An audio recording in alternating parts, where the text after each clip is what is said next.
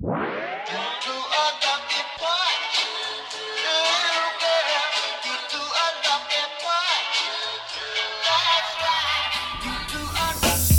teman-teman, balik lagi di Cinema Paradisco.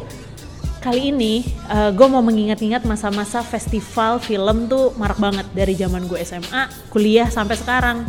Nyenengin banget sih datang ke festival, nonton film rame-rame. Kali ini sudah ada narasumber yang penting banget nih buat pergerakan festival film di Jakarta terutama, Noval Yazid. Dari dulu G-Fest 21 Short Film Festival sampai Europe on Screen, ternyata dia tetap hadir dan setia di festival film. Nah, sesetia apa ya dia selama ini dan kira-kira festival film itu yang kata orang mengerikan film-filmnya atau kayaknya susah, ternyata nggak sesusah itu dan nggak semenyeramkan itu. Gimana coba serunya nonton festival film yang ternyata bisa lucu, bisa haru, dan juga bisa seru banget dinikmatin bareng-bareng.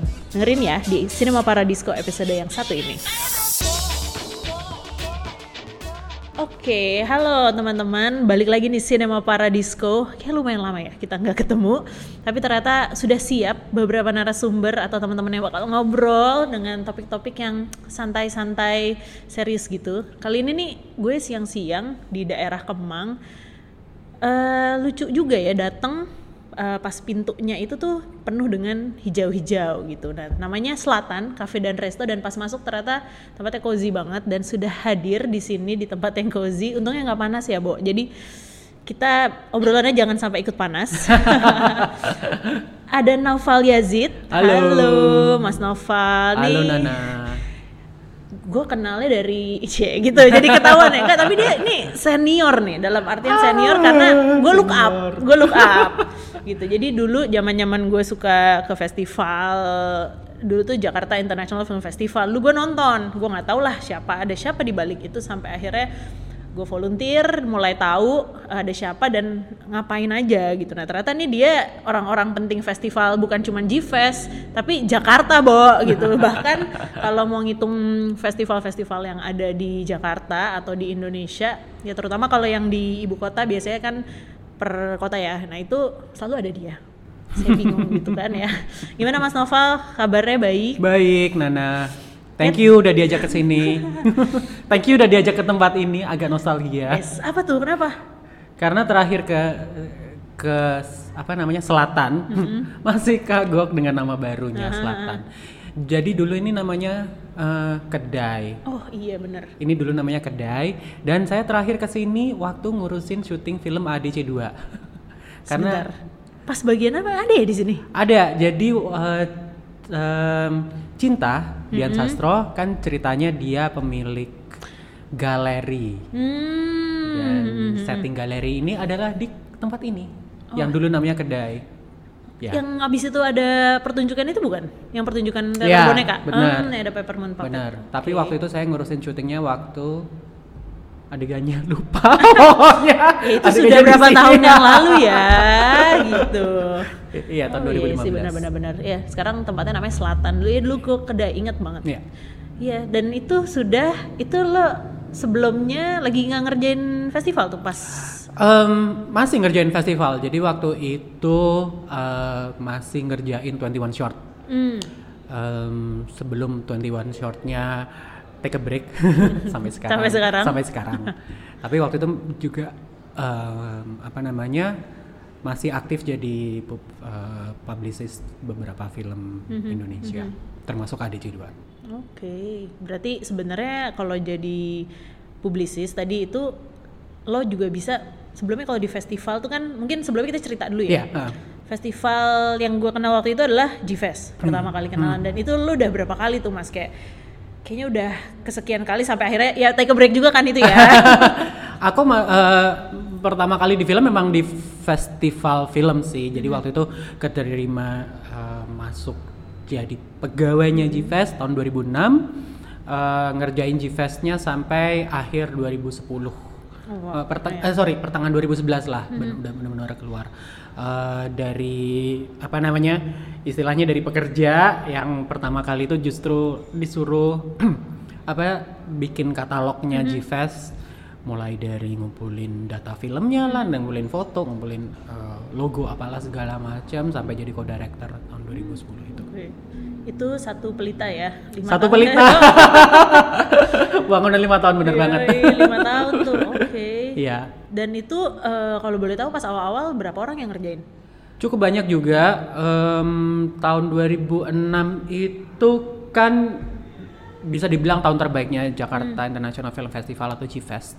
Penontonnya banyak, Hmm. programnya banyak banget, filmnya aku inget banget waktu itu harus ngumpulin data sekitar 300-an film lah Hmm. untuk tahun itu aja. Eh, kalau dihitung jumlah krunya mungkin 40-an lebih ya. Eh, Lumayan juga ya untuk untuk sebuah Untuk festival sebuah film festival, internasional hmm. cukup lah, cukup besar. Oke. Dan abis itu ngerjain 21 short. Eh, nggak langsung. Belum, langsung. Jadi waktu itu memang em, karena masih istilahnya waktu itu masih pengen coba-coba lah gitu. Jadi begitu tahu oh ngerjain festival film kayak gini gitu terus kayak waktu itu sempat kepikiran tapi nggak pernah tahu bagaimana eh, sebuah film itu dibuat. Jadi pengen juga ngerasain kerja di em, industri film di bagian produksi film walaupun nggak di produksinya sih tapi lebih ke waktu itu ke bagian produksi em, sorry distribusi sama marketing. Jadi waktu itu habis dari G-Fest aku kerja full time di sebuah rumah produksi tapi ngurusin eh, distribusi dan marketing film itu. Bagaimana film itu masuk bioskop, bagaimana film itu didistribusikan. Eh, tetap sih urusannya itu jadi kayak tetap tetap juga ada hubungannya dengan festival.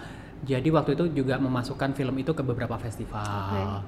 Jadi kayak on the other side Iya, iya, dulu. iya, iya. Jadi dulu waktu di festival kerjaannya minta minta film, sekarang nawar-nawarin Nawarin film, film. gitu. Eh, Tapi ya udah. eh, eh kebetulan setahun berikutnya diundang sama Cinema 21 Mm-hmm. untuk brainstorm program CSR mereka jadilah 21 short. Eh ya udah ternyata dari situ bikin 21 short pas di tahun yang sama bikin 21 short eh, aku dan beberapa teman ikut mendirikan em, apa namanya perusahaan yang spesialisasinya di film publicist film publicity sorry Gitu. barengan sih Oke. Mundur dikit ya tadi pas jadi masuk ke produksi. Kok gue nggak pernah tahu tuh ya film apa sih, Bu? Waktu itu tetangga juga sih ya, rumah produksinya Salto. Oke. Jadi waktu itu em, karena waktu itu Salto dalam setahun harus merilis tiga film, eh, lima elang sang penari dan Garuda di, di dadaku dua. Jadi ya udah aku waktu itu ngurusin tiga film ini. Oke, nah itu gue soalnya sisi yang itu baru tahu juga nih ternyata. Tapi maksudnya menarik ya, kalau di festival kita taunya mungkin kalau teman-teman yang suka nonton ke festival, terutama di Jakarta udah lumayan. Sebenarnya gini, ada tapi mungkin selalu dibilangnya ah nih nggak ada festival gitu. Nih kayak dalam minggu-minggu ke 3 September ini ada festival juga 100% manusia Ya. gitu dan itu eh, festivalnya gratis. Ya. Ada waktu itu G-Fest tuh ada yang berbayar juga ya. Ada. Ada juga yang gratis kan? Ada. Ada. Terus 21 short Gratis eh, semua. Hmm. gratis semua gitu. Nah, ini juga berarti eh, apa ya? Sebenarnya banyak pilihan kalau mau nonton Benar. gitu kan. Nah, terus juga sebagai yang milih film nggak sih dulu eh, di semua festival ini atau sempat ngalamin beberapa posisi juga tuh? Em, sempat ngalamin beberapa posisi. Eh, di awal waktu G-Fest, waktu pertama kali baru masuk, aku strictly nggak tahu urusan milih film, jadi benar-benar waktu itu cuman ngurusin eh, promosi ya, Mhm. publicity and promotion. Maksudnya eh, bikin katalog, Ya, ya. ngurusin printing, eh, apa namanya percet- percetakan, Mhm. eh, terus habis itu ngurusin kerjasama media, sampai akhirnya pelan-pelan eh, ikut milih film. Em, tapi kalau terutama kalau kalau misalnya waktu 21 short karena festivalnya baru dibentuk em, istilahnya itu bayi kami ya Mhm. brainstorming. Jadi mesti harus tahu semuanya sih. Mesti harus tahu aspek-aspek teknisnya, aspek-aspek legal, aspek-aspek eh, censorship. Em, terutama itu sih. Kalau misalnya aku baru masuk ke suatu proyek ya, baik itu festival atau produksi, mau nggak mau emang harus tahu semuanya dulu Oke, sih. iya, iya, baru iya. habis itu mendelegali, mendelegasikan ke orang-orang yang memang dirasa capable untuk menangani departemen-departemen Oke. atau bagian-bagian tertentu. Itu sih. Ya. Tapi selama ngerjain festival, yang Hmm. paling dinikmati bagian mana tuh? ada yang bisa dinikmati ya? Eh, oke. Bagian yang dinikmati adalah ketika sudah dijalankan dan men- mengetahui reaksi penonton Oke. sih karena aku mungkin sadar ya eh, saya tidak cukup kreatif untuk menjadi seorang filmmaker. Tidak cukup berbakat juga. Tapi ad- selalu ada kepuasan tersendiri eh, ketika mengetahui pilihan film yang kita ambil itu dinikmati penonton. Dinikmati itu bukan hanya mereka menyukai ya Ya. tapi em, misalnya mereka bilang aku nggak suka film ini karena film ini seperti ini apa membuat aku nggak nyaman gitu. Oh oke itu berarti ada reaksi tertentu dari penonton terhadap film terhadap program yang kita eh, Pilih. pilih yang kita buat itu membuat aku senang sih karena jadi ada wacana tersendiri jadi ada apresiasi tersendiri nggak yang lu sekedar datang duduk terus cabut tanpa Ya. ada kesan apa-apa Oke. Uh, that gives me the joy uh, uh, membaca reaksi mereka di Twitter atau di media sosial apa pun. Um, terutama buat terakhir festival yang aku bikin ya Europe on Screen karena waktu itu persiapannya mepet karena di asanya juga mepet jadi ada beberapa film yang oh nggak cuma beberapa. Kemarin tuh banyak film yang aku ngambilnya tuh gambling gitulah yang kayak duh ini belum film jenis-jenis film yang nggak nggak biasanya ditampilkan di festival film eh, apa namanya tapi aku ambil karena Ya, ya. karena pengen tahu. Ternyata orang-orang mena- menanggapi dengan baik. Itu seneng banget sih. Mendapat respon yang kayak tadi lagi gitu nggak ya? iya. Iya yang ah nggak nyangka nih ada film kayak gini Mhm. gitu. Itu aku seneng banget sih ya Oke, Europe on Screen tahun ini ya? tahun ini iya tahun ya ini, wah ini baru tahun kemarin. Ha-ha. Oh, baru oke oke. ini bulan apa September ya baru bulan Mei kemarin Oh my God. kayak tahun lalu Biasanya udah lama ya. Berasanya udah lama. Padahal udah mau datang lagi festivalnya tahun Benar. depan Ah. gitu. Nah, tapi kalau kayak tadi gitu, sebenarnya eh, lu punya pengalaman G-Fest 21 Short yang ada eh, G-Fest itu film panjang film pendek ya? ya 21 Short yang Film film, pendek. pendek. Indonesia semua. Eh, enggak Atau ada ya waktu itu Ah, ada 80% sebagian. film Indonesia sih tapi Mhm. Ah. Terus ada Europe on Screen ya Hmm. dari namanya udah jelas gitu. Nah sebenarnya gimana sih pertimbangan ketika lo milih film dan tadi eh, semua nih pu- tentu punya audiens yang beda-beda. Ya, Tapi benar. juga gue merasa kalau di festival tuh ketika gue nonton, misalnya gue jadi penonton, seneng kalau ketemu sama orang yang justru bukan eh, biasa gue Ya. nonton gitu kan Hmm, orang-orang hmm, film benar, atau benar. misalnya yang teman biasa nonton seneng Ya. orang kayak kira-kira dia nonton ke sini Ya. apa ya gitu. Nah. Kok dia nonton film yang sama-sama gue? ah. Misalnya gue sebagai penonton suka bertanya-tanya Ya. gitu. Nah, kalau lu sebagai orang yang berada di balik program, Ha-ha. gimana sih nentuin milih film untuk eh, berbagai jenis festival tadi? justru ketika ketika gue membuat ini mungkin nggak berlaku buat orang lain tapi at least ini yang gue lakukan sih ketika gue ada di uh, memasuki proyek tertentu baik itu film ataupun festival film um, gue akan mengidentifikasikan dulu kira-kira potensial audiensnya seperti apa. Uh, bar- baru berangkat dari situ um, apa namanya gue baru menentukan jenis programnya.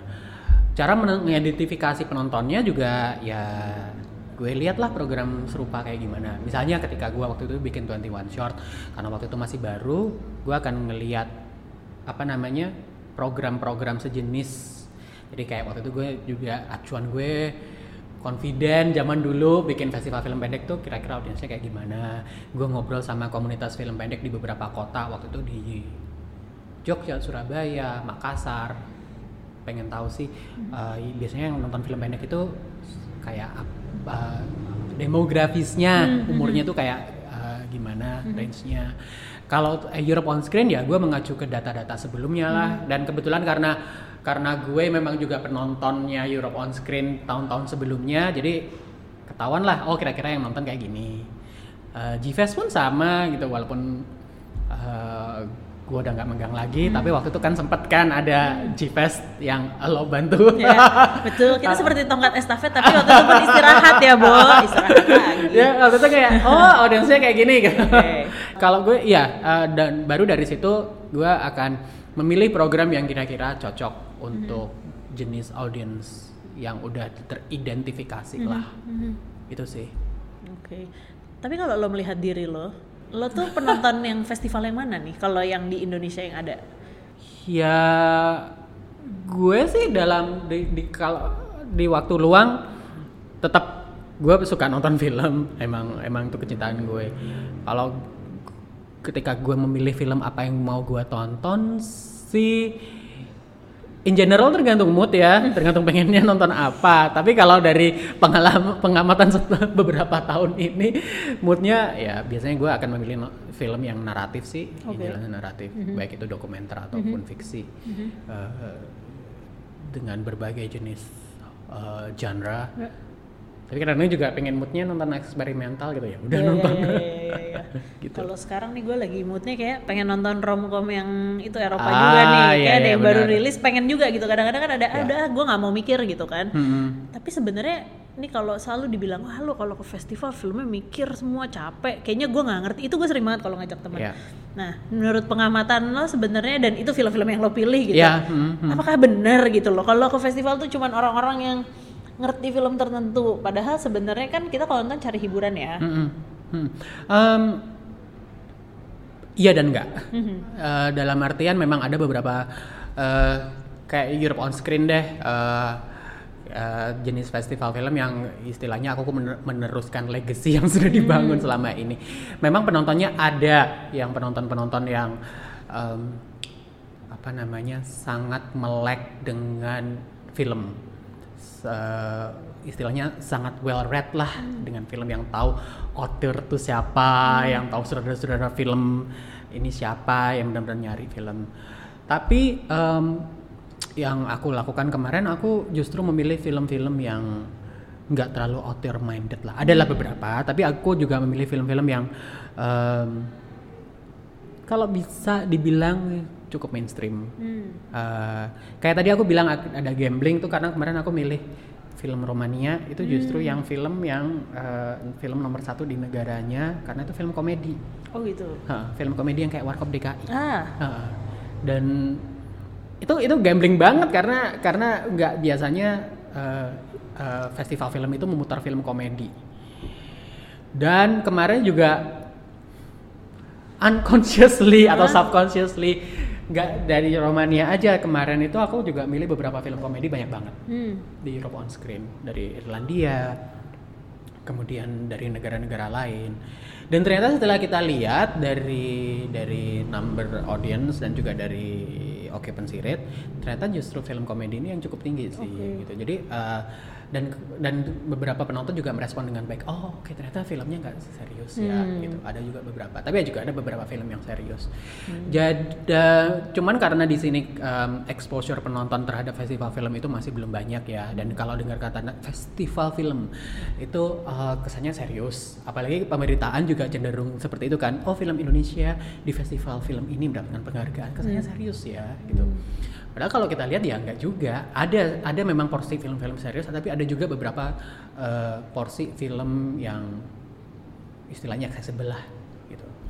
Makanya kemarin aku juga eh, di Europe on Screen ada program open air film-film Oh, iya. layar tancap gitu. Itu kan pasti filmnya film keluarga, Ya. film-film yang udah ditayangin di bioskop sebelumnya, film-film mainstream gitu yang yang yang bisa ditonton semua orang lah gitu yang yang kayak tadi kamu bilang nggak perlu mikir.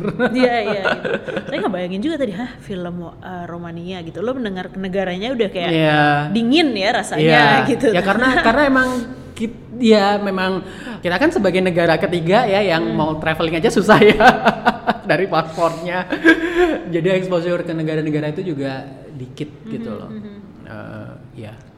Tapi berarti uh, apakah si festivalnya mulai menyesu- menyesuaikan ke penonton nih gitu? Karena mungkin dari 2006 2006 ya waktu waktu Nah, ikut dari hmm, G-Fest mungkin juga uh, karena biasanya ini kan semua di Jakarta nih yang Ya. lo bikin. Hmm. Uh, kotanya ikut berubah gitu. Secara ada kebutuhan si festival ini Ya. menyes- menyesuaikan penonton juga kah?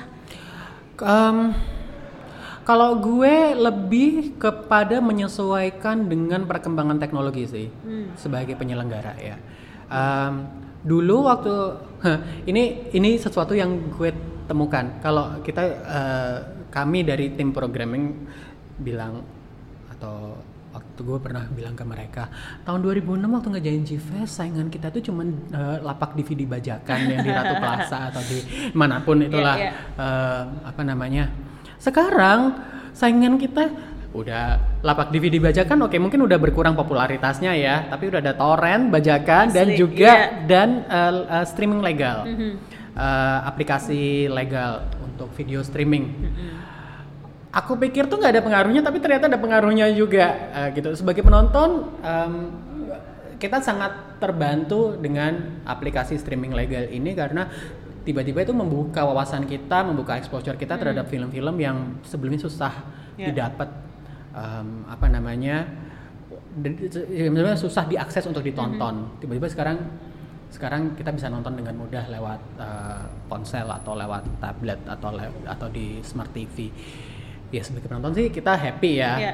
Tapi sebagai pemrogram festival itu pusing banget karena biasanya kalau kita minta ke uh, minta film ke pemilik film nih uh, filmnya pengen diputar gitu.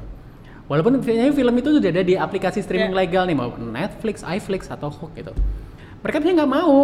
Oh gitu. Heeh. walaupun kita udah ngejelasin ini beda kok audiensnya em, apa namanya eh, tapi biasanya mereka kan udah ada di ini Ya, ya, ya. udah ada di aplikasi gitu.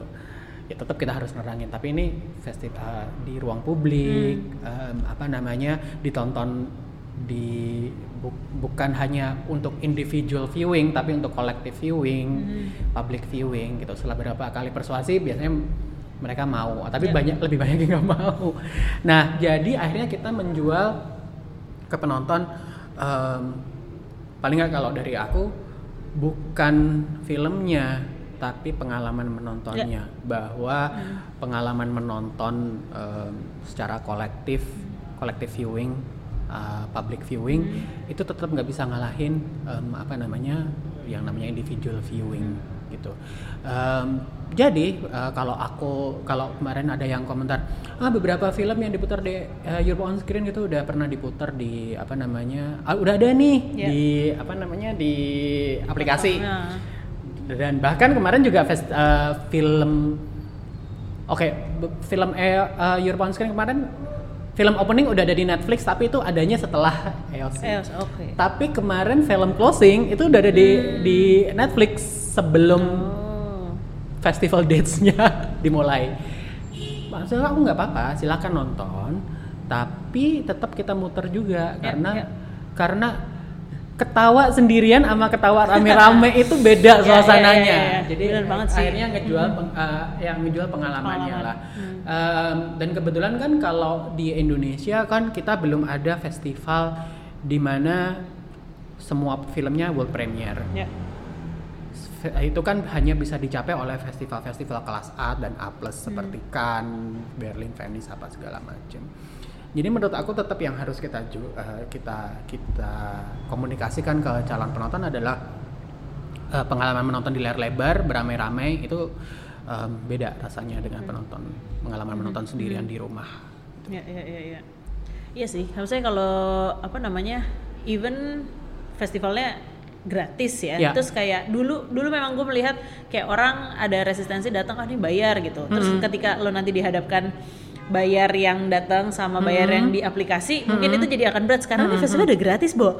Jadi apalagi gitu. Resistensinya pasti masalah macet. Ya. ya. Kalau infrastruktur kita nggak bisa nggak bisa ngapa-ngapain Ya, itu ya, karena ya, ya. it's beyond our reach. Benar-benar. Tapi Um, sebenarnya kalau gue nikmatin juga dengan segala apa lokasi juga banyak kan Ya. gitu dan sebenarnya kalau gue juga tipe yang agak mager sih kadang-kadang. Iya, itu mager tuh juga. uh, uh, gitu kayak semua festivalnya ada di tengah kota atau apa. Tapi gue kadang-kadang yang justru gue lakukan adalah stay seharian ya di tempat terus itu. gue nonton Hmm. ya udah sampai bego lah ibaratnya gitu kan tapi itu justru yang nggak akan lo dapet gue dapetin gitu misalnya di nonton sendiri ya udah lo pause aja gitu kan Benar. Eh, dan gue juga eh, karena orang em, orang kita eh, itu kan sangat guyup ya, Hmm. sangat either either lo sangat sendiri atau lo seneng beramai-ramai Nah, iya. gitu. Eh, kalau seneng beramai-ramai itu oke lah, gampang ngajaknya. Yang yang Nah, agak susah memang ngajak orang-orang yang tadi lo bilang mager. Gue juga orangnya mager banget gitu loh. Dan kebanyakan pe- penonton atau penggemar penggemar film itu orang yang sangat individualized ya. Iya, kan kita mager rame-rame. Ya kan? Jadi gue datang ke suatu tempat gue duduk eh, let's say di Erasmus tuh yang paling deket kalau buat gue. Duduk terus ya udah seharian gue mager aja di Erasmus. Iya. gitu. Itu kadang-kadang akhirnya jadi pilihan juga sih seru Hmm, gitu. Dan hmm, kayak hmm. gue nggak bakal nonton di, te- di tempat yang terus-terusan Eh, udah gitu tempatnya juga bukan kayak ada apa namanya ada tempat makan yang kayak di mall Hmm, atau tapi kayak menurut gue tuh the beauty of datang ke festival sih Benar. itu juga ya yang bisa- Atmosfernya beda sih. Iya, iya, Eh, iya. t- nonton di bioskop pun beda Hmm. lah dengan karena kan kebetulan kalau di at least di Jakarta ya Iya. festival film kan kebanyakan nggak di bioskop ya. Hmm. Eh, jadi emang mendapatkan atmosfer yang berbeda itu yang pengalaman yang yang yang nggak bisa didapatkan di tempat lain. Iya, iya, iya, Oke. Nah, tadi udah sempat bahas festival kelas A, kelas A plus. Aduh, itu apa sih gitu? Maksudnya, gue tahu beberapa teman-teman filmmaker yang filmnya masuk Iya. ke rata-rata kayak ke Iya. Berlin di Jerman, Iya. kan yang di Perancis atau yang terakhir nih di Venice Italia itu Iya. eh, kita cuman tahu aja gitu Nah. kan. Tapi apa sih bedanya? Dan mungkin juga eh, apa pengalaman pasti lo udah pernah juga kan eh, pernah ke beberapa festival yang tadi gue sebutin? Semuanya udah. udah pernah? Nah maksudnya itu sih kalau kayak gue ngebayangin wah gila seru ya gitu. Tapi sebenarnya di sana ngapain sih Bo? Gitu. Kadang-kadang kan kalau misalnya gue nggak punya kepentingan terus kayak gue di sana ngapain? Ada apakah- juga yang jalan-jalan foto-foto. Iya gitu, apakah gue bisa nonton gitu? Dan suatu hari gue pernah melihat di Instagram sa- eh, salah satu apa ya selebgram Iya. itu yang ke festival dia nonton dan dia ketemu eh, seorang aktor yang emang Ah. dia sudah ngefans banget. Apakah kayak gitu bisa nggak sih? Nah, maksudnya gue pengen tahu aja nih dengan pengalaman lo. Sebenarnya em, tergantung tujuannya orangnya ngapain ya eh, datang ke festival film itu. Kalau misalnya filmmaker atau pembuat film yang filmnya diundang ke festival itu jelas dia pasti di sana karena dia diundang sama festival pihak pihak penyelenggara festival untuk promosiin fes- filmnya. Jadi ya ibaratnya pasar lo ketemu penjual pembeli dan barang yang didagang- didagangkan. Nah kalau di pasar film ya barang yang didagangkan adalah film.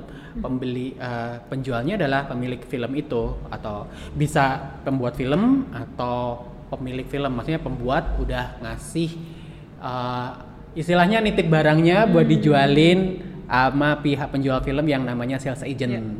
sales agent terus nanti dia jualan ke negara-negara. Nah pembelinya itu bisa distributor dari negara ini atau kalau misalnya gue so called pembeli, uh, gue dari pihak penyelenggara festival film nih, gue lagi mau istilahnya kurasi uh, film-film buat ditayangin di festival film tahun depan. Makanya gue datang ke festival A ini yang memang menyelenggarakan uh, atau mengadakan tempat transaksi istilahnya. Nah, gue datang dengan badge dengan apa? Badge itu bahasa Indonesia apa sih? Si Uh, ID. ID. Uh, itulah, uh, uh, ya. uh, Ya, akses. akses. Uh, kartu akses. Kartu akses ini bisa macam-macam nih. Kartu akses industri, kartu akses pers. Nanti ada juga tingkatan-tingkatannya. Uh, nah, gue biasanya datang dengan kartu akses industri, badge industri. Uh, gue akan nonton beberapa film yang memang udah di select industri. Um, media juga datang dengan kartu akses pers. Hmm. Um, Nah, nggak semua festival ini punya ruang pemutaran untuk publik. Artinya publik bisa nonton. Eh, Berlin ada, Venice ada, eh, ada juga. Nah, kalau kan itu terbatas banget sih. Hmm. Eh, tapi bisa juga kayak kita punya akses atau punya jatah tiket yang kita nggak bisa pakai, terus kita kasih ke orang. Oke. Itu bisa sih. Dan memang eh, sistemnya seperti itu. Mhm. Nah, cuman em, memang keuntungan datang ke festival A Plus ini adalah screeningnya banyak banget. Mhm. Jadi emang eh, eh, orang bisa datang Ya. kapan aja. Termasuk Toronto juga. Hmm, oke. Hmm. Nah, bedanya A Plus itu ya yang tiga tadi terus beberapa festival lain kayak Toronto Sundance yang memang film pertama kali diputar kemudian untuk didagangkan atau berharap men, me- men- apa attract potential buyers dulu bahasa Indonesia apa sih Bisa, bisa inilah ya, bisa menimbulkan minat Oke. untuk dibeli Mm-mm. nah Kemudian ada juga festival kelas A. Biasanya kelas A ini festival yang udah eh, dilaksanakan selama belasan tahun atau puluhan tahun. Mereka ini sih ada juga eh, film-film yang baru ditayangkan pertama kali di sini, tapi mereka juga punya ruang publik yang besar. Maksudnya festivalnya tuh punya program pemutaran untuk umum yang banyak banget. Ini kayak Carlo Vivari, Busan, Shanghai, macam-macam. Iya, iya. Hong Kong, tapi juga punya ruang buat pak market, Oke. tapi nggak segede yang festival-festival itu. Itu sih. Eh, jadi bisa aja nih ketemu aktor, ketemu aktris gitu, ketemu siapa pun gitu. Karena biasanya mereka punya red carpet dan red carpet biasanya terbuka sih buat siapa aja asal mau ngantri dari pagi Oke. dan ngantri dari beberapa jam sebelumnya. Em, ya bisa aja. Mhm. Kesempatan itu ada sih. Cuman tergantung ya tujuan utamanya. Tujuan utamanya apa? Kalau Oke. gue ya tadi gue kurasi, jadi gue pasti akan nonton film, Mhm. gue akan ketemu beberapa pemilik hak film ini eh, atau pemilik filmnya Mhm. untuk karena atau biasanya juga jadi biasanya ketika kita mendaftarkan diri nih eh, kan biasanya daftarnya online. Kita bayar daftar online di approve kita, kita bayar nih. Nah nanti nama kita udah ada nih di directory atau dari kayak istilahnya daftar tamu lah siapa yang dia datang gitu Ntar tiba-tiba kayak beberapa hari atau seminggu dua minggu sebelum festival tiba-tiba banyak email datang. Eh gue dari yang punya film ini kita bisa ketemu nggak? Gitu. Atau Oke. misalnya gue udah tahu nih siapa aja yang datang. Gue bisa juga minta meeting eh gue dari festival ini eh, gue dengar lo akan datang ke sini ya boleh nggak kita ketemuan? Buat ini karena itu biasanya pasti terjadi sih. Oke. Berarti kalau misalnya eh, gue nih warga warga sekitar di negara itu, kalaupun mau datang untuk nonton, nggak semuanya aksesibel juga ya? nggak semua accessible Eh, mereka ke- pasti eh, penyelenggara festival biasanya udah memilah mana tontonan umum yang buat publik, mana tontonan khusus yang buat pelaku pers atau industri. Nah, orang pers sama industri ini screeningnya terbatas loh sebenarnya. Cuman biasanya pak yang pagi-pagi banget eh dan banyak. Bisa sih kita dikasih jatah yang buat publik, Mhm, mhm. Eh, tapi jatahnya juga dikit Iya, iya, iya, gitu. iya, Jadi iya. kadang-kadang ya gue juga kemarin kayak ke- waktu kalau Vivaria sama Vena juga tetap sih kalau udah dapat yang publik kita harus ngantri. Iya, iya, Jadi. Mhm. kayak jatah kita kayak mereka ngeduluin yang orang biasa Oke. gitu. Berarti sebenarnya apa yang dilakukan festival di luar dengan apa penonton yang publik tadi sama yang di sini nih yang di gue juga ngantri-ngantri kalau kemarin nonton EOS kan gitu Iya. Gitu. Jadi kayak sebenarnya agak sama ya gitu ada Oh feeling sama untuk banget. Malah kalau di Cannes, karena Cannes itu kayak apa ya? eh, pasar film nomor satu dunia. Karena kan semua or, semua hampir semua pelaku film industri film dunia datang. Ribuan orang ini punya badge yang sama dengan gue. Misalnya nih, gue bayar yang paling mahal. Nggak gitu sih kemarin. ya, ya, kadang lah ya. gue yang kayak nggak tapi nggak paling murah juga. Jadi ada beberapa tingkatan gitu kan. Gue bayar akses yang paling mahal pun belum tentu lo bisa dapat eh, apa bisa masuk. Karena ribuan orang nih punya akses yang sama sama yang lo punya kapasitasnya paling cuman berapa sih kapasitas kursinya? Paling gede adalah yang 5000 tapi biasanya rata-rata yang kalau industri itu kayak 400 500 Iya, iya. kursi. Yang antri 1000 dari Iya. akses yang sama jadi belum tentu juga gitu. Iya, tetap iya, aja rebutan. Cuman ya karena mereka udah biasa ya udah kayak ya udah terima aja. Iya, iya, ya paling yang gue belum biasa kayak hah gue udah ngantri setengah jam belum nggak dapet itu berkali-kali. Jadi emang masalah kebiasaan aja Iya, sih iya, kayak iya, iya, iya.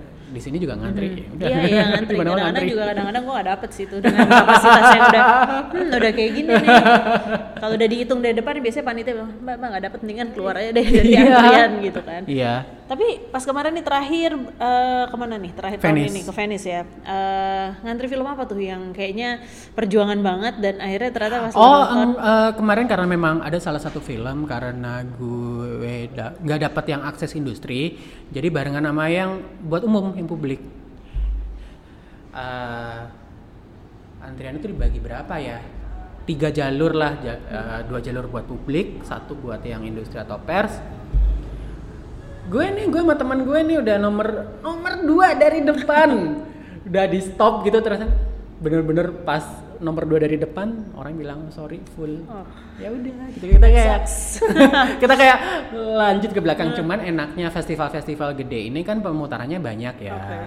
di venue-nya eh tempat pemutarannya juga nggak cuman satu atau dua jadi ya ya udah paling kita yang kayak nunggu bentar gitu kayak oh ya udah habis itu ada pemutaran lain. Mhm, kalau filmnya nggak ada yang menarik masih bisa ke ruang meeting apa Oke. segala macam. Jadi sebenarnya eh, kalau datang ke festival film itu gunanya kita bayar akses itu nggak cuma karena buat nonton film. Hmm. kita bayar kita bayar kartu akses atau badge ini supaya kita juga bisa dapetin akses lain selain film. Misalnya ke lounge buat dapetin eh, buat ketemu orang lounge buat eh, ada juga mereka juga biasanya yang orang nggak banyak pakai itu sebenarnya mereka punya video library yang emang khusus Isinya apa? video library itu biasanya kalau memang em, apa namanya pemilik film itu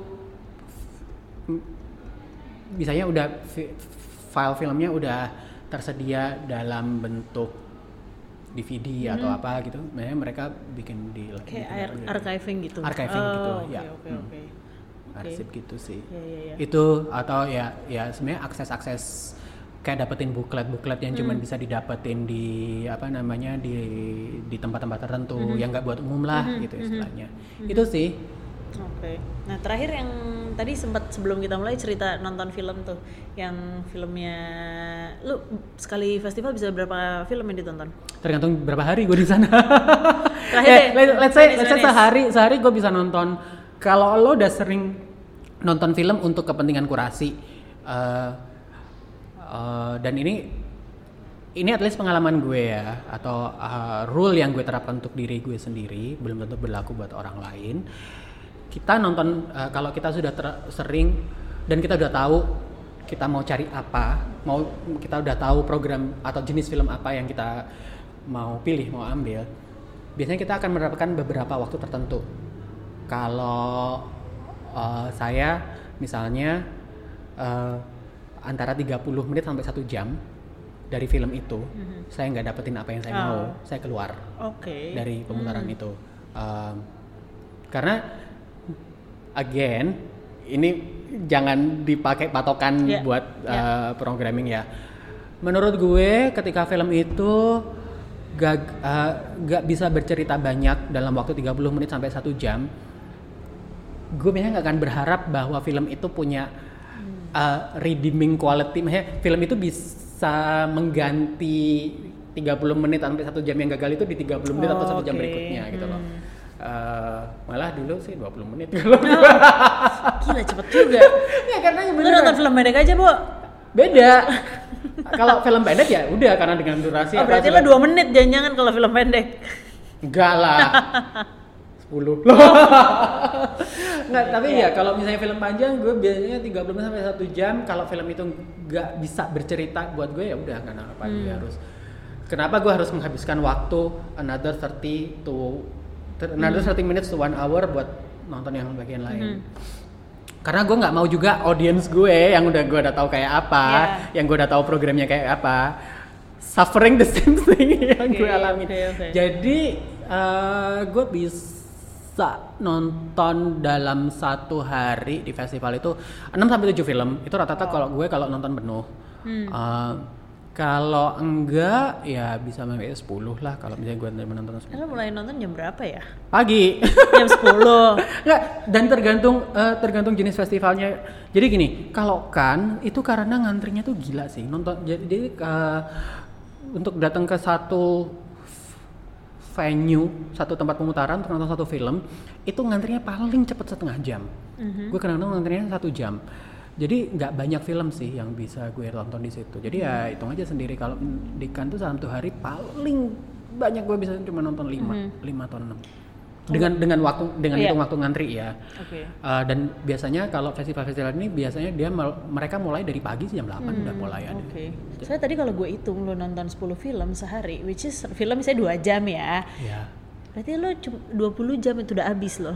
Ya, Bener tapi kan kalau misalnya 10 film, gue nggak nontonnya paling yang setengah jam itu tadi kan. kalau Oke, nonton oke, penuh oke. biasanya 6, 6 film. Oke. Mm. Karena gue perlu makan juga Iya, untuk iya, iya, iya, iya.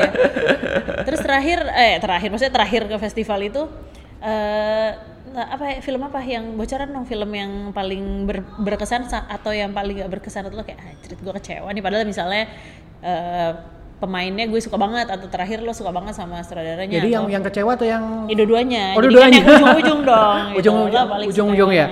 Banyak sih. Yang bikin kecewa gue Suspiria. Filmnya siapa tuh?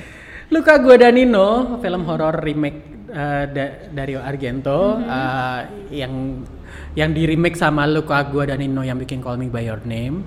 Hype-nya gede sih film horor.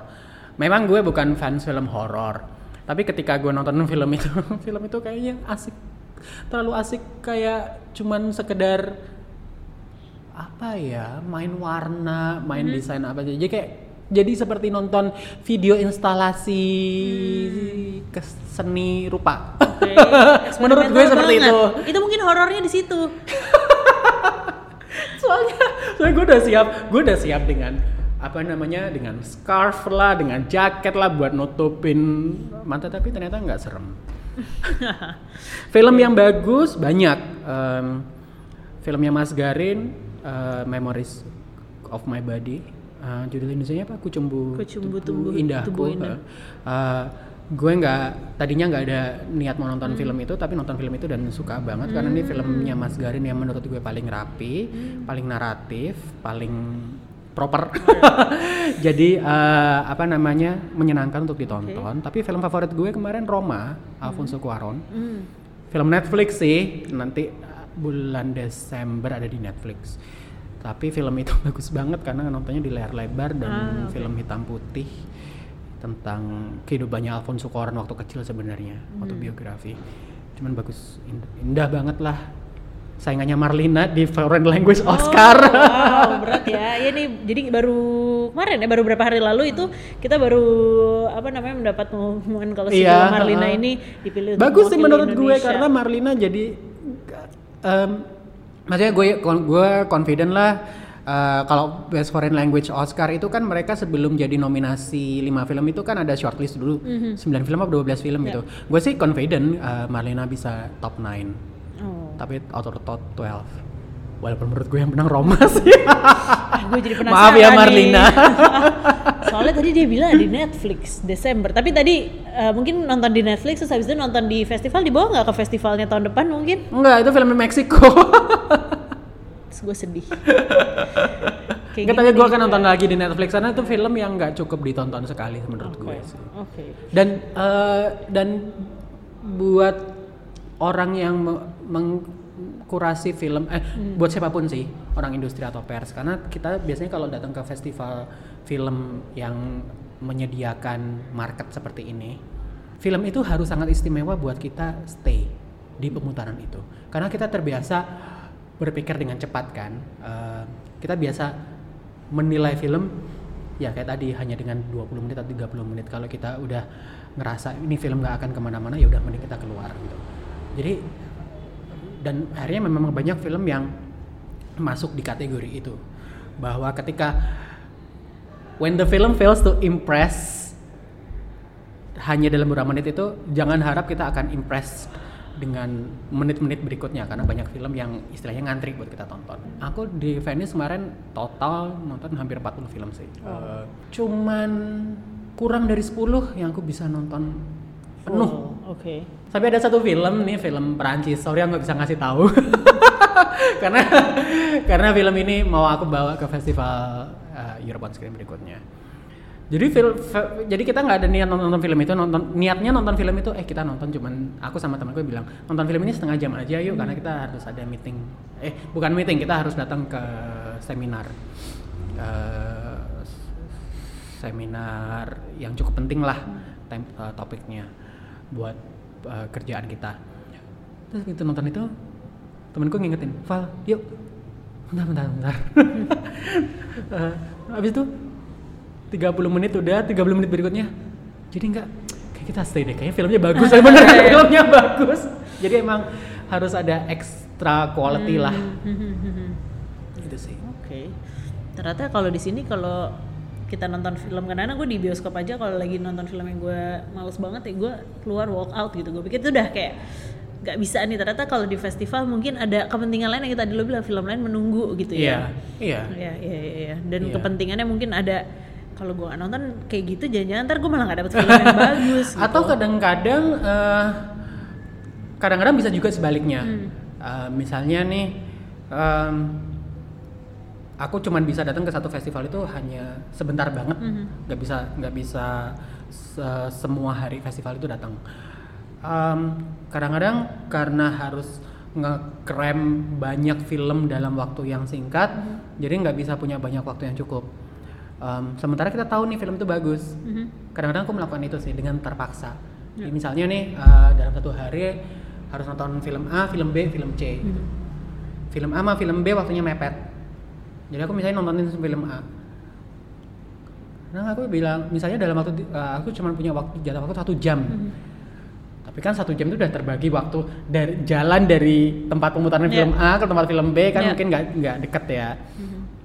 Nah, jadi misalnya nih nonton film A gitu, cuma punya waktu setengah jam, tapi dalam setengah jam udah bisa nilai, oh ini film bagus nih, kayaknya bisa nih di consider gitu. Em, ya udah, ya nggak apa-apa. Ada juga sih beberapa film kayak gitu. Kita balik lagi ke nyelenggarain film di eh, festival film di Indonesia tuh ya waktu itu gue inget banget waktu 21 short film itu rame banget rame banget gue ngerasa kayak yang tadi gue bilang gue ketika nonton gue gak ketemu teman-teman Iya. gue yang biasa nonton atau orang industri aja kan artinya Ha-ha. gue melihat wah nih uh, attract penonton baru gitu nah Ha-ha. eh, pernah ada pengalaman terutama yang untuk short itu ya Ya. Pengalaman yang ketemu sama penonton yang kayak tadi ngerespon tentang film yang nggak suka banget atau suka banget dan akhirnya ini gak sih eh, justru akhirnya jadi ciri khas si ini kan ini short film festival yang menurut gue gue nggak pernah nonton film pendek di bioskop gitu. Itu ada nggak sih penemuan lo di yang 21 short itu yang lo inget banget? Em, di 21 Short justru pertama kali karena sebelum 21 Short kan gue organisasinya GFest. Kalau GFest seperti lo tahu sendiri kan, di penontonnya juga yang kita biasanya udah kenal orang-orang industri, orang-orang pelaku film lah. Justru 21 Short pertama kali, gue inget banget tuh pertama kali bikin tuh gue nggak kenal nih siapa penontonnya gitu. Eh, setelah di backtrack ya em, kayaknya mungkin 21 Short berhasil karena memang promosinya lama kan dan keuntungannya karena dibuat oleh jaringan bioskop jadi memungkinkan jaringan bioskop itu untuk melakukan promosi lebih lama. Festivalnya kan waktu itu bulan Maret tapi kayaknya udah promosinya udah dari Oh, bulan oke. Oktober November gitu kan waktu buka pendaftaran.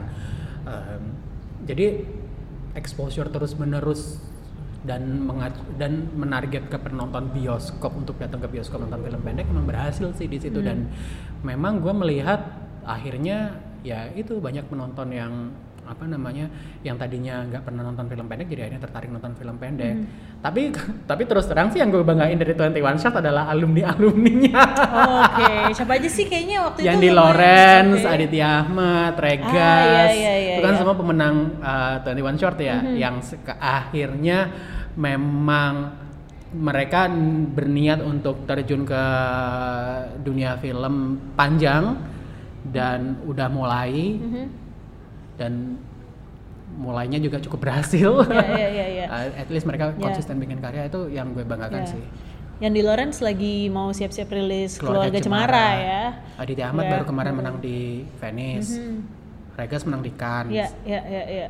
Ya. Wah, dan itu semua alumni yang 21 Yes. Short. Ya. Nah, maksudnya kayak gitu loh. Gue pikir orang datang ke festival nggak tahu siapa dia, bahkan dulu Ya. mungkin kan. Hmm. Bahkan gue dulu juga ada momen di mana gue nggak ngeh kalau Regas punya film yang Ya. mana, tapi akhirnya gue tonton pas di 21 Ya. Short gitu. Hmm. Dan itu menurut gue itu pengalaman yang kalau gue ngajak orang, ya saya kayak warga gitu ya, Ya. nonton ke festival tuh Ya. semenyenangkan itu. Dan gue inget Benar. banget perasaannya. Dan yang nggak ditem yang nggak bisa didapat dari pemutaran film biasa sih, menurut gue uh, Q&A ya, uh, sesi tanya jawab Iya, ya. iya, iya. Di 21 Short ada di Europe on Screen ya. Kalau misalnya ada filmmakernya datang, menurut gue itu uh, sayang untuk dilewatkan sih se- uh, sesi tanya jawab ini karena emang ya nggak nggak kita dapetin kalau kita Iya, nonton iya, di iya. bioskop biasa. Oke. Terus gimana dengan festival film yang di luar Jakarta? Ini kan juga banyak gitu. Dulu gue pernah inget eh, mampir ke festival film Solo ya atau yang di apa di Jogja, Jav. Eh, dan kalau nggak salah Malang juga masih rajin ya bikin, tapi Oh, iya. eh, aku belum pernah sih kalau itu. Nah punya pengalaman yang seru juga nggak? Karena ini kan kotanya mungkin lebih kecil, terus mungkin lebih guyup tadi tuh mungkin akan lebih berasa. Aku ngerasain tuh kalau Iya, benar. beberapa kali ke festival yang di luar Jakarta gitu. Festival film Solo tuh acuan kita, salah satu festival acuan kita Wah. sih waktu buat bikin 21 Oh Short. iya, Eh, filmnya film-film pendek ya waktu Iya, itu. karena film-film pendek dan menurut kami programnya juga berhasil, mereka cukup berhasil menjangkau penonton sekitar Hmm. di kota itu dan juga ke pelaku Hmm. film nasional lah. Em, itu salah satu acuan kita sih festival film Solo waktu itu. Em, menurut gue yang cukup sangat berhasil adalah JAV dan FFD, Hmm. at least dari segi konsistensi mereka sampai saat ini dan um, Javs juga sangat berani dalam hal mengenalkan film-film yang nggak biasa, yang nggak mungkin diputar di, bi- di bioskop, uh, film-film istilahnya film art house, film eksperimental membawanya ke penonton Jogja, akhirnya penonton Jogja jadi terbiasa, itu menurut gue sangat berhasil sih. Jadi, um, tapi memang perlu ketekunan ya, Ya, ya. konsistensi sih. Yang aku lihat beberapa tempat sebenarnya juga potensi, tapi punya potensi yang baik, tapi mungkin karena satu dan lain hal akhirnya jadi nggak nggak konsisten bikinnya kayak Palu dan Makassar Hmm, itu kan ya, ya, mereka ya. sempat kan bikin em, apa namanya pemutaran seperti itu Ya.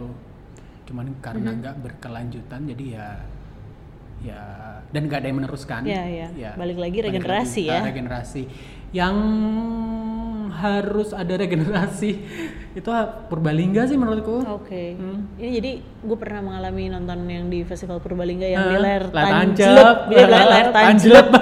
itu di yang di yang di, sawah atau yang di kot- yang di tergantung rumah-rumah sih ya Nah. bisa jadi sih di Purbalingga eh, dia kayak bikin mobil nih ya teman-teman jadi kayak di Iya, jalan mobil. sana Iya, gitu terus dia eh, bisa waktu itu kalau nggak salah gue dapetnya yang justru di balik pegunungan tuh kayak soalnya gue emang Hmm. dingin dan dia jualan eh, ronde itu Ya. itu ya sebenarnya itu the beauty of nonton it Benar. layar tancapnya tuh gue inget banget gitu dan itu kayaknya yang nonton di situ harga banget yang Iya.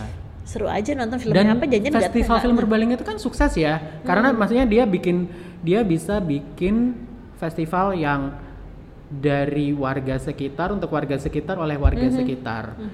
Dia programnya sangat tergantung emang orang-orang Purbalingga sendiri untuk bikin film. Ya ya. Kalau misalnya orang-orang Purbalingga yang nggak bikin film ya nggak ada festival itu Ya, ya, ya, sementara kalau nggak ada festival itu si orang-orang Purbalingga ini nggak punya Ya. wadah untuk Ya. menayangkan filmnya benar kan benar benar benar dan itu yang gue inget juga bukan cuma soal nonton gitu karena kalau seinget gue waktu pas gue nonton di sana tuh filmnya gue udah nonton gitu tapi Hmm. itu nggak masalah ketika Iya. karena ini gue nontonnya beda nih Iya, benar. dengan orang-orang ini plus tadi itu eh, penting ya jagung bakar sama ronde itu karena ternyata memang festi itu yang gue ngerasa festif gitu ya Ha-ha. namanya festival kan Ha-ha. Sebagai penontonnya Yoi. gitu dan mungkin itu ya kalau kita di Jakarta apakah bisa kayak gitu lagi tuh Nova? selama ada yang mau mengadakan sih bisa bisa aja Ujung-ujungnya itu ya. Mungkin lo punya selain nih, kalau EOS kan Europe on Screen akan hadir lagi tahun depan lo sudah Ha. dalam proses gitu. Ha. Kalau mau berhayal gila gitu Ha. ya. Lo punya cita-cita bikin festival yang kayak gimana sih untuk yang di Jakarta nih? Terutama lo udah punya pengalaman yang film panjang, film pendek, lo pun sering jalan keluar Jakarta maupun eh, keluar Indonesia gitu. Kalau lo mau menggila. Menggila? Menggila gitu. Karena maksudnya kayak tadi gitu kita ternyata merindukan nonton di layar tancepan yang rame-rame atau bahkan kita juga pengen tadi ketawa bareng nonton film pendek yang gue inget sih salah satu film pendek yang tentang sunat itu di 21 short gue lupa judulnya apa. Hmm. kayak gitu-gitu gitu. Nah sekarang ini lo menggila kali aja ada yang denger ya. Terus ada yang mau oke gue mau invest. Untuk festival ini atau dan berkelanjutan. gini sebenarnya kalau gue nggak muluk-muluk em, gue tetap pengen bikin a proper international film festival. Mhm. seperti yang dulu G-Fest lakukan tapi yang punya em, apa namanya kepentingan market atau industri. Kenapa? Karena pasar film Indonesia tuh sekarang lagi bagus-bagusnya dari segi produksi dan distribusi dan eksibisi. Cuman nggak ada nggak ada satu kegiatan uh, apa namanya festival film internasional yang menopang atau yang istilahnya mendukung pertumbuhan industri ini. Um, cuman ya memang itu biaya nggak sedikit sih. Uh, again masalah pembiayaan. Um, kalau dari segi program sih aduh satu cita-cita dari zaman GFest 2008 yang dulu banget pengen gue bikin tapi sampai sekarang belum. Ini adalah gue cuma pengen bikin layar tancap film-filmnya Roma Irama di GBK. Oh. Dan GBK yang sekarang ya. Ya. Waduh. Oke, jadi tolong ini yang punya rights-nya film Roma atau yang uh, pemerintah Kota Jakarta ya. Bayangnya itu epic banget sih, Bo. Iya makanya itu dari Oke. dulu udah ada udah ada ini di proposal gue kalau misalnya lu pengen bikin film eh, di- program layar tancap gue cuma satu pengen bikin layar tancapnya filmnya Roma Irama Terus di Di endingnya GBK. ada soneta gitu nggak sih? Eh, dulu sih pengennya iya ada tapi kan sekarang nggak tahu orang-orangnya ke mana Eh, mereka waktu itu manggung dua tahun lalu loh. oh iya Iya. di di Synchronize Fest. Jadi bukan berarti nggak mungkin loh. Gimana tuh? Kalau di sini Coba kita coba aja. ya. Oke, siapa pun yang mendengarkan ini. ya gitu. Dan maksudnya gue bisa membayangkan betapa Iya. hebohnya sih. Iya, karena menurut gue, oke, gue udah lama sebenarnya nggak nonton filmnya Roma Irama, tapi at least di memori gue waktu eh, waktu kecil sampai Iya, SMP iya, iya. kalau tiap kali nonton film Roma Irama di TV, secisi apa pun gue akan nonton sih, karena kita udah nggak bikin film seperti itu lagi sih, Hmm. menurut gue ya. Wah, gue perlu refresh tuh kayak gimana ya filmnya Roma itu. Gue cuman kemudian gue membayangkan tadi lo nyebut GBK dengan GBK yang sekarang tuh langsung kayak harusnya bisa benar-benar melibatkan warga Jakarta yang mager-mager itu. Ya. Karena menurut gue ada kegimikan di festival yang uh, bisa membuat mereka Benar. bergerak dan datang sih. Dan ide ini silakan loh kalau mau dicuri, Oke, silakan yang mau mencuri. atau misalnya buat kampanye boleh. Wah, beda lagi tuh ya.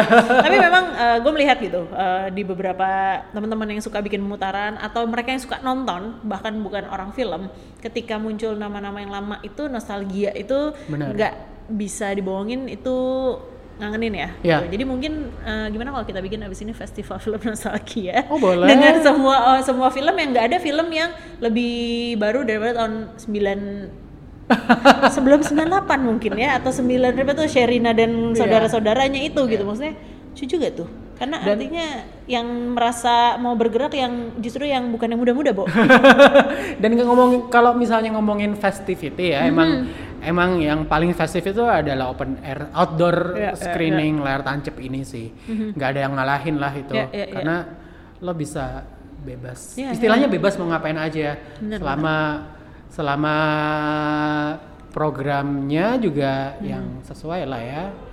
Yang punya mass appeal tinggi. Mass appeal lebih tinggi mana lagi dari Nah. Roma Irama? gila sih Bang Roma memang itu sih Iya, iya, iya, cita-cita iya. gue. nice. Kayaknya cita-cita masih bisa diwujudkan itu. Bukan sesuatu yang terlalu impossible kok. Karena anaknya realis realistis aja. Walaupun agak susah tapi sebenarnya karena again eh, ngomongin infrastruktur eh, ya agak susah kan nge-trace rights film ini di mana punya Ya, film ya, ya. apa segala macam terutama film Indonesia ya. Film Indonesia lama. Ya ya ya. Gitu oke. Menarik. Kayaknya abis ini kita langsung bikin proposal. bikin proposal gitu. Jadi kita sudahi saja tapingnya karena kita mau bikin proposal nih ya teman-teman. Oke ini kayaknya eh, obrolannya akan panjang cuman kayak saat ini kita sudahi dulu. Oke. mungkin nanti setelah itu kita bakal eh, ajak Nova lagi untuk ngobrol-ngobrol eh, sebagai salah satu dedengkot festival film Aduh, masih ada yang lain kali Ya, mungkin yang lain itu perlu kita gabung ya Ah, untuk benar. membuat eh, cita-cita itu jadi nyata, gitu. Ramai-ramai retrospektif Yoi, gila gila gila. Tapi itu gue ingat Roma Irama. Ah, gitu. Oke lah, kalau gitu Novel thank you banget. Thank you banget Nana. Kita kalau kayak gini ntar nggak kelar-kelar juga ya di sini pas tutup mic kayaknya bisa ngobrol lebih panjang lagi nanti eh, kita update teman-teman di Cinema Paradisco episode berikut-berikutnya.